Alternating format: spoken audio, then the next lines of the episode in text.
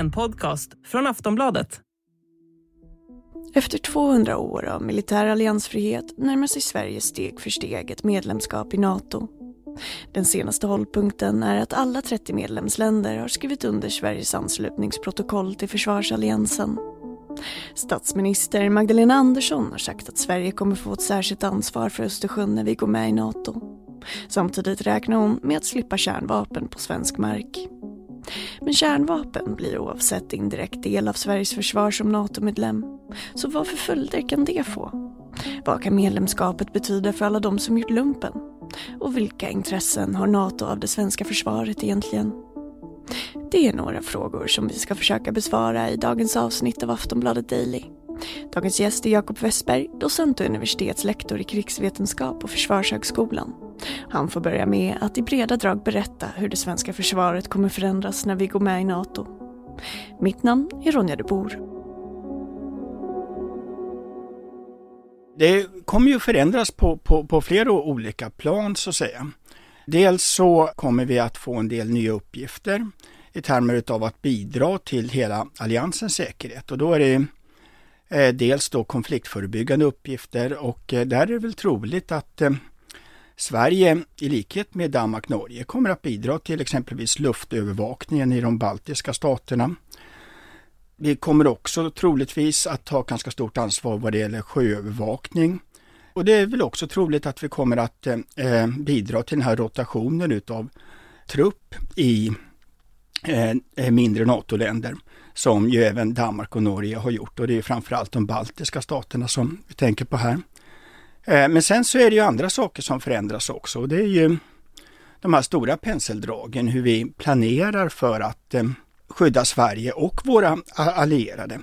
Och det är här jag tror de kanske största förändringarna är när vi ska börja tänka inte bara på hur Sverige ska, ska undvika att bli indraget i krig som vi brukar tänka, utan hur hela alliansens säkerhet ska tryggas och då måste vi bedriva försvarsplanering på ett delvis eller med helt nya ögon kan vi säga. Alltså att vi, vi ska se till alla, eller hela närområdets säkerhet när vi planerar för hur svenska militära resurser kan användas i händelse av ett, krig men också för att förebygga krig. Vilka intressen kommer NATO ha av Sveriges försvar?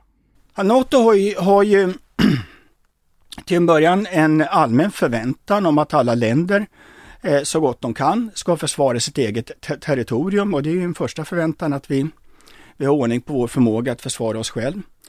Eh, men sen har man ju också förväntningar om att man ska bidra till gemensamma säkerhetsmål. Eh, och det är här som de svenska bidragen till NATOs försvarsplanering kommer in. Och här är man ju från NATOs sida väldigt glad över möjligheten att räkna in Finland och Sverige i en gemensam försvarsplanering. Eh, och det har dels att göra med de resurser som länderna har. I Finlands fall att man kan mobilisera väldigt stora landstridskrafter upp till 280 000 man på relativt kort varsel.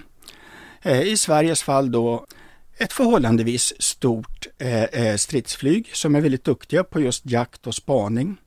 Våra ubåtar som är en unik eh, tillgång i Östersjön och som är utvecklade speciellt för Varka i Östersjön.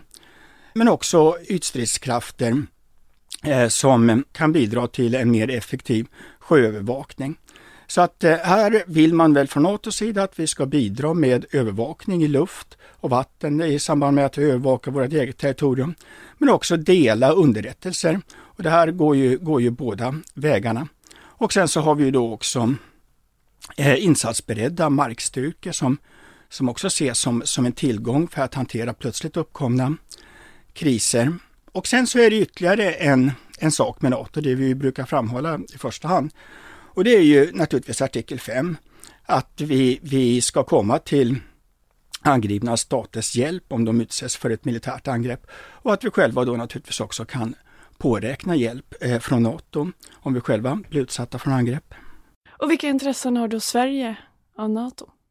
Ja, det grundläggande intresset är ju att vi, vi har eh, kommit fram till, regeringen har kommit fram till slutsatsen att, att givet att eh, Finland eh, skulle söka medlemskap i NATO så, så gick det inte riktigt att, att, att bedriva en isolerad nationell försvarsplanering som var tillräckligt stark för att, för att utgöra ett, eh, en trovärdig tröskel mot, mot ett angrepp. Så att vi går ju med i NATO för att vi går in i, i ett system där vi ska bedriva gemensam försvarsplanering med likasinnade eh, länder. Och det här är ju eh, ett väldigt stort brott kan vi säga i svenskt tänkande kring, kring försvaret. Här har vi ju haft en huvudlinje ända sedan 1814, alltså Napoleonkrigens slut, när vi skapade en union med Norge. Där vi har tänkt oss att vi skapar säkerhet genom att hålla oss utanför eh, konflikter och stormaktsspänningar. Nu ska vi istället gå in i ett system med ett eh, kollektivt försvar. Och då, då krävs, det att, krävs det att vi tänker den tanken fullt ut så att säga. Och det det här ger för Sverige då, det är då möjligheten att planera för en gemensamt försvar i hela vårt närområde och regionen. Eh, och den, den, möjligheten har inte varit där tidigare med de här lösare samarbetena som vi hade för att de hade alla det gemensamt att de inte innefattar några ömsesidigt bindande försvarsförpliktelser. Om man inte förpliktar sig att komma till andras hjälp, ja då kan man ju heller inte delta i en gemensam försvarsplanering för de måste ju veta att de kan räkna in de resurser som Sverige ska bidra med. Aftonbladet Daily strax tillbaka. Överbefälhavare Mikael Budén har angett att ett NATO-medlemskap kommer innebära att Sverige i högre utsträckning kommer delta i insatser och övningar. Men har Sverige tillräckligt med soldater? Och hur påverkar svenskarna som gjort lumpen egentligen? Vi hör Jakob Westberg igen. En första sak man, man kan säga, det, det är kanske en del som undrar då, kommer, kommer värnpliktiga att bidra till ro, ro, ro, rotation utav, utav eh, trupp i, i Baltikum? Kommer värnpliktiga att skickas ut på, på insatser? Och svaret på den frågan är, är nej, åtminstone om, om man ska tro den information som, som, som Försvarsmakten själv lägger ut på sin hemsida. Att, där säger man då att vi ska lösa den här typen av uppgifter på samma sätt som vi alltid har gjort. Och då är det då så att man först genomför en grundutbildning och sen kan man själv frivilligt välja att teckna upp sig på en specifik insats eller kanske nu då eh, delta med rotation utav, utav trupp i exempelvis de, de baltiska staterna. Så att det kommer att vara på, på frivillig basis. Men att däremot kan man ju tänka sig att själva utbildningen utav värnpliktiga också kommer att påverkas utav NATO-medlemskapet på det sättet att eh, Eh, NATOs taktiska doktriner och annat, de måste ju hela svenska försvarsmakten kunna så att säga. Och det här kommer att bli en stor utmaning, inte minst för Försvarshögskolan när vi utbildar och, och, och officerare som i sin tur ska utbilda de, de värnpliktiga. Sen är det väl också möjligt att man som värnpliktig i ökad utsträckning kan ta del av den här övningsverksamheten som som NATO bedriver i området. För där kommer vi också behöva ställa upp med egen, egen trupp och eh, träna dem så att. Kommer det behövas ett tillskott av värnpliktiga och yrkessoldater i Sverige? Vi har ju redan tagit, tagit höjd för det med det här försvarsbeslutet som togs eh, i december 2020 så bestämde man sig för att man successivt skulle, skulle utöka värnplikten. Idag så, så har Försvarsmakten totalt ungefär 60 000 i sin, sin, sin personal. Och här vill man då att man ska, ska kunna växa så att vi ska kunna ha 90 000 någonstans runt, runt 2030 och det är möjligt att det här kommer att, att accelerera ytterligare. Men, men här är det den här typen av ändringar i volym, den, den går väldigt långsamt. Och det, det har att göra med, med att om man ska kalla in fler värnpliktiga så måste vi också utbilda flera, flera officerare som kan, som kan leda de här värnpliktiga. Och det tar tre år att, att utbilda en officerare. Går det att säga då vart det är mest sannolikt att svenska soldater kommer skickas till? Nej, alltså vad det gäller eh, NATOs försvarsplanering så kan man säga att det, det mest sannolika är att vi, vi vi kommer att bidra till försvarsplaneringen i vårt eget närområde. Så, så att då är det Ös, Ös, Östersjöområdet som står i fokus, men även då naturligtvis västra Sverige, Östersjöns inlopp.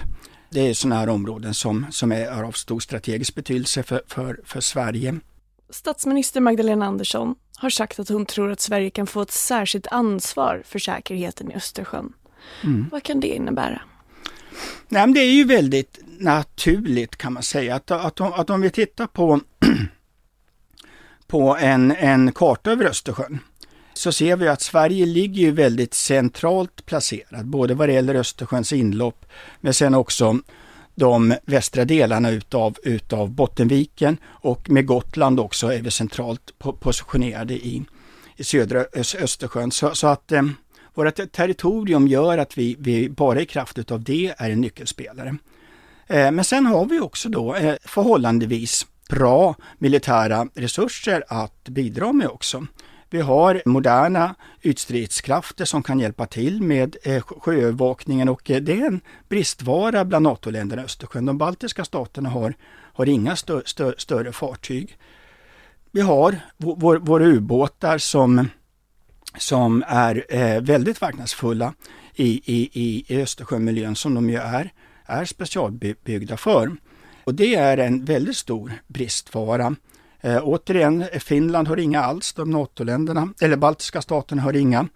Polen är det oklart hur många av deras ubåtar som faktiskt är operationella och eh, tyska ubåtar kanske behövs någon annanstans. Men så länge de fem svenska ubåtarna ligger dolda i vattnet så måste eh, Ryssland vara väldigt försiktig när den opererar med ytstridsfartyg i Östersjöregionen i händelse av en konflikt. Kärnvapen på svensk mark. Hur troligt är det när vi går med i NATO? Jag skulle tro att, eh, att Sverige kommer att göra ett likartat val som Danmark och Norge gjorde redan några år in på kalla kriget. Det var inte i samband med, med medlemskapet men början på 50-talet. Där man meddelade att man, man, man inte vill se eh, kärnvapen utplacerade på sitt territorium i fredstid. Eh, då hade man ju också eh, begränsningar vad det gäller en permanent närvaro utav NATO-förband från andra länder i fredstid. Och jag skulle väl tro att det, det, det är väl troligt att, att Sverige, om det behövs, kommer att uttala någonting liknande. Men sen är det inte så säkert att frågan kommer. Eh, Ifall man tittar på vilka NATO-länder som har kärnvapen ut, ut, ut, utplacerade på sitt territorium så är det de här gamla ursprungsländerna. Men om man däremot tänker sig att vi befinner oss i en, i en pågående konflikt eh, och NATO kan som ett led i en, en eh, eskalationsprocess eller en deeskalationsprocess eh, behöva eh, visa att man har en nukleär förmåga på plats, ja då, då vet vi inte hur läget eh, eh, kommer, kommer att se bedömas då. Eh, för att då ja, säg att man i avskräckande syfte då har, har, har då behov av att flyt, fly, fly, flytta fram kärnvapen. Eh, och det är ju, blir, det är ju en del av en gemensam krigsinsats då inom NATOs ramar. Och där vet man ju inte ja, i vilken utsträckning eh, eh, Sverige och Östersjöområdet kommer att vara en sån, sån arena. Och då har Sverige liksom någon, har man, kommer Sverige ha någon sorts möjlighet att säga nej ändå då, eller är det bara att och köra då? Alltså, jag skulle väl tro att svenska regeringar har väl har ju en territoriell suveränitet så att säga, så vi, vi har väl möjligheter att, att säga saker och ting i, även i ett sådant läge då möjligen. Vårt grannland Finland, också som ett arv utav, utav kalla kriget, har ju eh, begränsningar i lagstiftningen mot att, att, ha, eh, att, att, eller att kärnvapen in, inte får finnas på finskt eh, territorium vi får väl se hur det blir med den lagstiftningen, höll jag på att säga nu. Så att, för att på något sätt så, i ett sånt här läge där det faktiskt är en pågående konflikt, då, då är det kanske andra överväganden som måste göras också. Kanske inte så troligt, men det kan, det kan komma att ske. Ja, det kan komma att ske. Men däremot så får man väl också säga då att vi förhoppningsvis så, så kommer inte, inte världen att behöva genomlida en, en konflikt som eskalerar ända upp till den här eh, kärnvapennivån. Det säger Jakob Westberg, docent och universitetslektor i krigsvetenskap på Försvarshögskolan. Jag som gjort det här avsnittet av Aftonbladet Daily heter Ronja de Bor. Vi hörs.